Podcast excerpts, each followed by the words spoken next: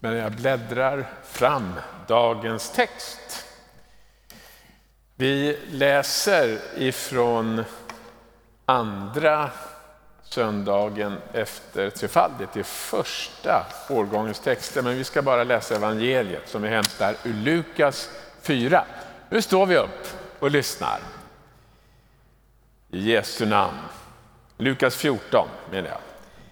En av gästerna vid måltiden sa till Jesus, salig den som får vara med om måltiden i Guds rike. Jesus svarade, en man skulle ha en fest och bjöd många gäster. När festen skulle börja skickade han sin tjänare att säga till de inbjudna, välkomna, allt är färdigt. Men alla hade de någon ursäkt att komma med. En lät hälsa, jag har köpt en åker och är tvungen att gå och se på den. Förlåt att jag inte kan komma. En annan sa, jag har köpt fem par oxar och måste ut och se vad de går för. Förlåt att jag inte kan komma. En tredje sa, jag har just gift mig så jag kan inte komma.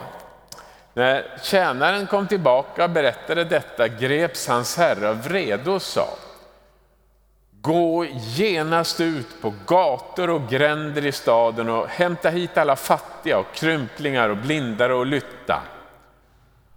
Och tjänaren sa, Herre, jag har gjort som du befallde, men ännu finns det plats. Då sa mannen till sin tjänare, gå ut på vägarna och stigarna och se till att folk kommer hit så att mitt hus blir fullt.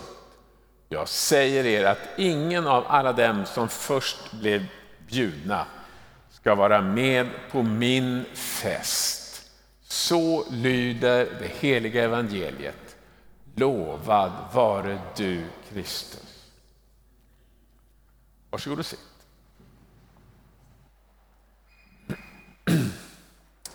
Vi ber. Herre, hjälp oss att lyssna till dig. Tack för att vi är bjudna på fest. Låt oss förstå vilken förmån det är att få höra den här inbjudan. Och hjälp oss alla att helhjärtat svara ja. Skydda oss från alla löjliga ursäkter här, där vi lurar oss själva. Vi ber att din helige Ande ska ge oss klarsyn. I Jesu namn. Amen. Ja, den här texten utspelar sig, händelsen utspelar sig på en fest. Alla brukar ju vilja komma med på festen, eller hur? Det är ett säkert sätt att samla folk genom att bjuda in till fest.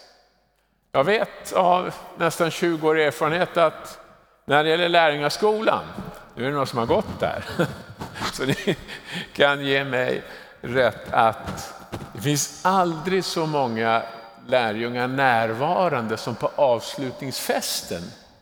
Då är alla där plötsligt. De dyker upp liksom. Man har inte sett dem på flera veckor, men pop så är de med.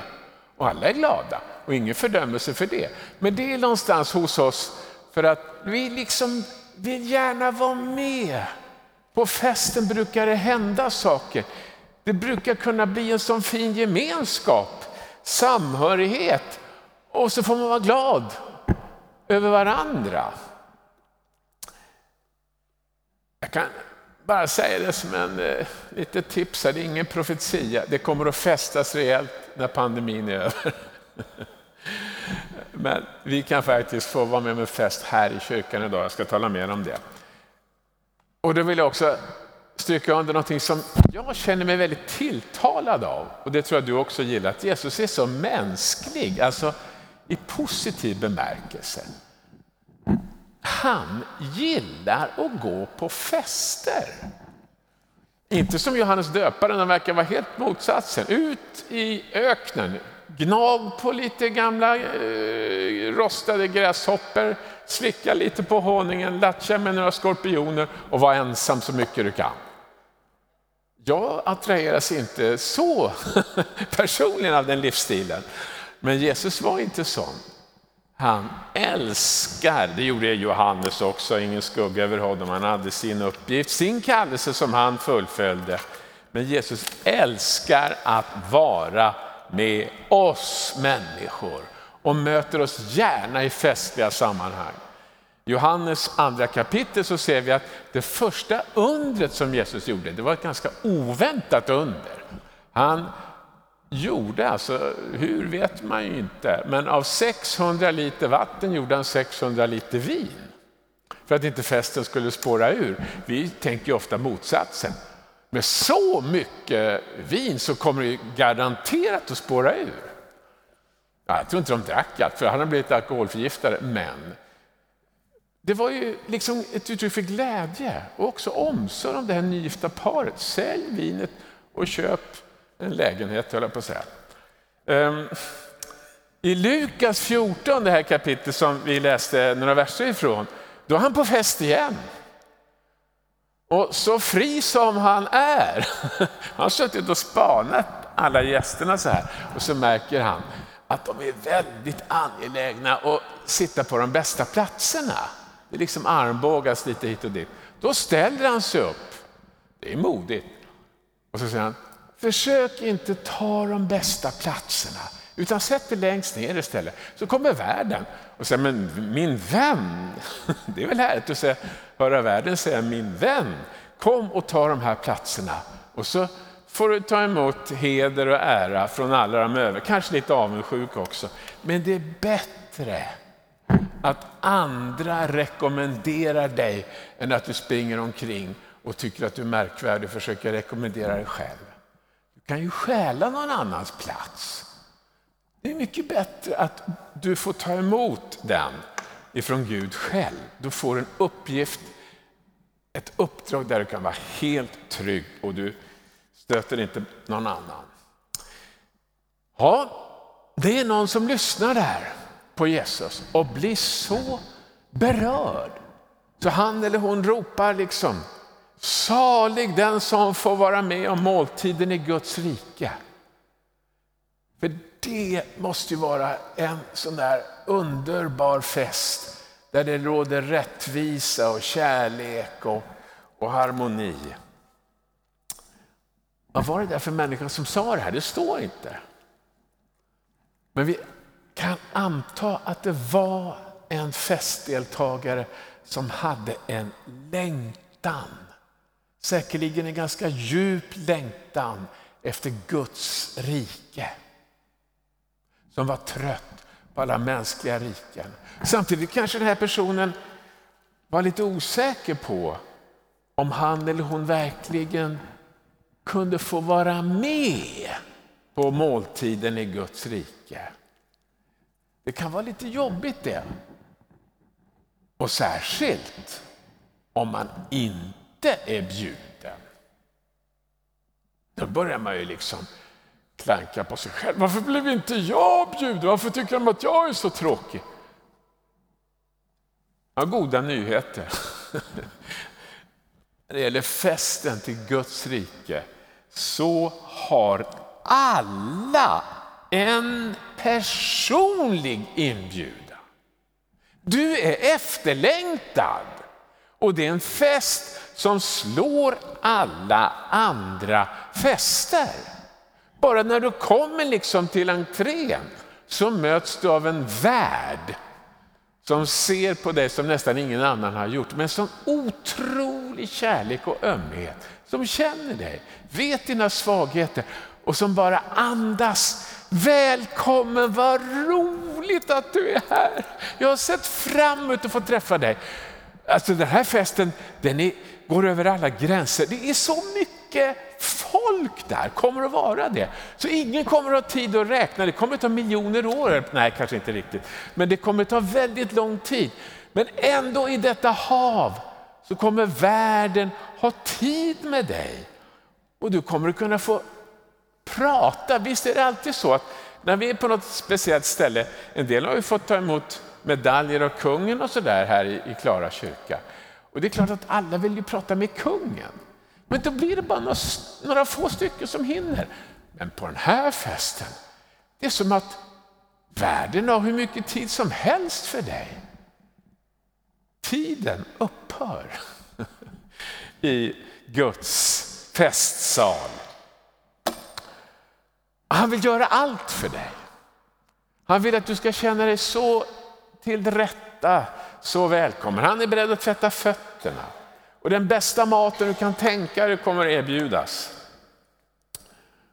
Det stora och fantastiska är att du och jag om en liten stund ska få fira Herrens heliga nattvard som är en direkt försmak av den himmelska festen.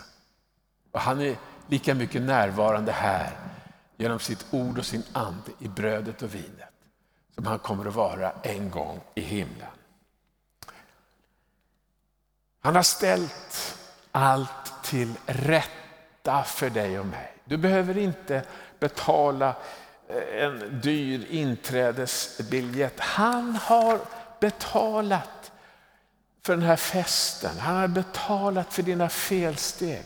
När han dör på korset och bär din och min synd så öppnar han porten och du och jag får trots alla våra felsteg gå in i festsalen och fröjda oss tillsammans med honom. Du ska veta att i festsalen så råder Guds vilja. Där blir du upprättad. Där blir du botad. Till och med från åldrande. Du får tillbaka din värdighet. Alltihopa det här får du delar av också i nattvarden. Du kan få kraft att bryta med destruktivt liv. Du kan få ta emot ny glädje, ny hopp. Du kan få ta emot läkedom. Jag säger inte att det botar mot åldrande, det får vi vänta lite med. Man skulle önska det, att alla som tog nattvarden blir 20 år yngre. Men så är det inte. Men det handlar om liv, det handlar om glädje, generositet, det handlar om gemenskap. Och det kan vi i alla fall vara överens om, att maten som erbjuds, också i nattvarden, har väldigt speciella kvaliteter. Den ger evigt liv. Mikael Bindefeld verkar vara en mycket generös person. Han bjöd sina kompisar ner till Israel, tog hand om allt. Ehm, men inte ens han kunde erbjuda evigt liv. Och det var också en fest som säkert var minnesvärd, men bara för ett fåtal. Här är alla inbjudna. Festsalen ska bli full. Det är liksom själva målsättningen för världen, för Gud. Men så läser vi texten att de som var bjudna, de var inte intresserade längre. De hade olika ursäkter. De hade gjort andra prioriteringar. Hur har du det med dina prioriteringar? Värderar du den här korta glädjen? Eller tänker du att den glädje som är mest dyrbar, det är den som aldrig kan tas ifrån dig, den som Jesus ger. Kortsynthet ett stort problem bland människorna. Den första hade köpt en åker, hade kanske haft lite framgång. Mammon hade börjat liksom eh, infiltrera i den personens liv. Och så tänkte jag, nej, det blir mycket roligare att kolla på den där åkern se att jag har blivit lite rikare än vad jag var förra året. Samtidigt tycker jag att det är en dålig ursäkt. Vem behöver titta på en åker på kvällen? Man säger ändå ingenting. Och den andra hade köpt fem par oxar. Eh, också sån där lite styrkebesked. Nu har jag en eh, helt annan möjlighet att plöja mig fram genom tillvaron. Det är väldigt många, inte minst killar, som drömmer om Porschar och Lamborghinis och allt möjligt sånt. Det är bara yta. Det kanske känns lite häftigt, men inte kan en BMW ta mig till himlen. Jag måste faktiskt säga en sak som jag tyckte var så talande. Igår så råkade jag titta lite grann på den här matchen mellan Finland och Danmark. Och så, jag tittade just den här sekvensen när den danska spelaren Christian Eriksson bara rasar ihop. Och så ser man efter ett tag att ja, men hans hjärta har slutat fungera. Han får hjärt och lungräddning. Men det som jag tyckte var så fint det var att de här killarna som alla kanske har ett, ett gäng lyxbilar, för de, de tjänar ju många, många miljoner varje år. Det betydde ingenting. De ställde sig runt den här kompisen, och ville skydda från kameror. Och de liksom, jag tror säkert flera bad att han skulle överleva. Det var, det var livet det handlade om, som är så mycket viktigare än massa lyxbilar och vad det nu kan vara för någonting. Det visade de faktiskt med sitt handlande. Djupt mänsklig handling.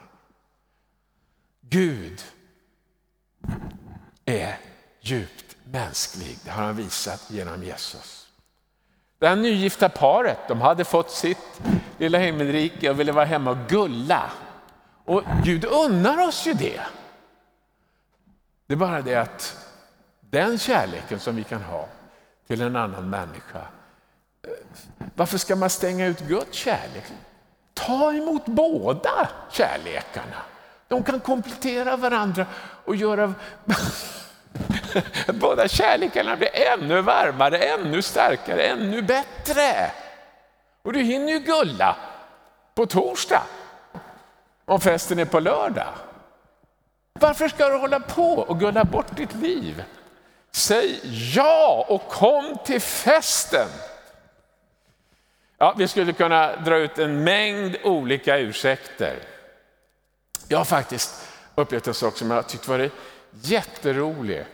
Eh, och det är att jag har fått en massa nya kontakter. Jag vill ge ett råd. Om du ska flytta, flytta där det är bara hedningar. att du kanske inte vet, det kanske finns som troende där. Men jag har börjat få massor med kontakter med människor och när de har fattat efter ett tag att jag är kristen så säger de direkt, jag är inte troende. Och då ska man inte bli fintad, utan då ska man tänka så här, för det har jag upptäckt att de tror mycket mer än vad de tror, de som säger så. Men de vill skydda sig lite grann. Bakom den här fasaden finns det en längtan. Det finns en undran. Men varför har du blivit en kristen? Och jag har faktiskt fått det är fina tillfällen att berätta hur jag kom till tro. Och sen när man ser varandra så liksom har man någon slags gemensam ja, hemlighet, så kallade man, man liksom bara gillar varandra. och, jag, och jag kommer att och, och fortsätta att be och vara mig själv och bara tacka Gud för mina nya vänner.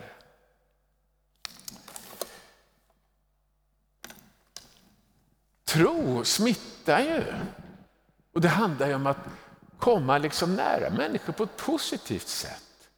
Och så kan man då ta steg för steg.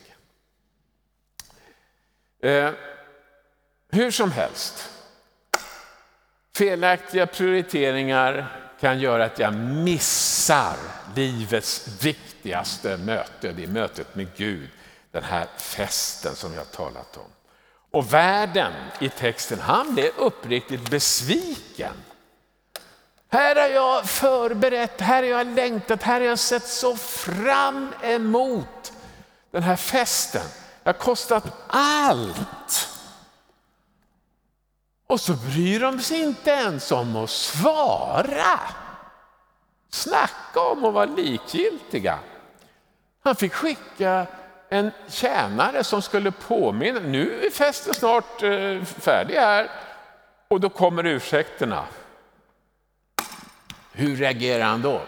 Ja, han ställer inte in festen, det kan, det kan du ta med. Festen är inte inställd. Utan han säger till tjänaren, gå ut på staden, gator och gränder. Bjud in alla misslyckade, trashankar, luffare, stinkande eller vad som helst. Och låt dem komma till min fest. Och då lufsar in ett mycket stort gäng. Men det finns fortfarande plats. Och då talas det inte om gator och gränder utan då är det vägar, då är det långt ut. Då handlar det om mission, gå ut i hela världen och gör alla folk till lärjungar. Inbjudan gäller alla människor.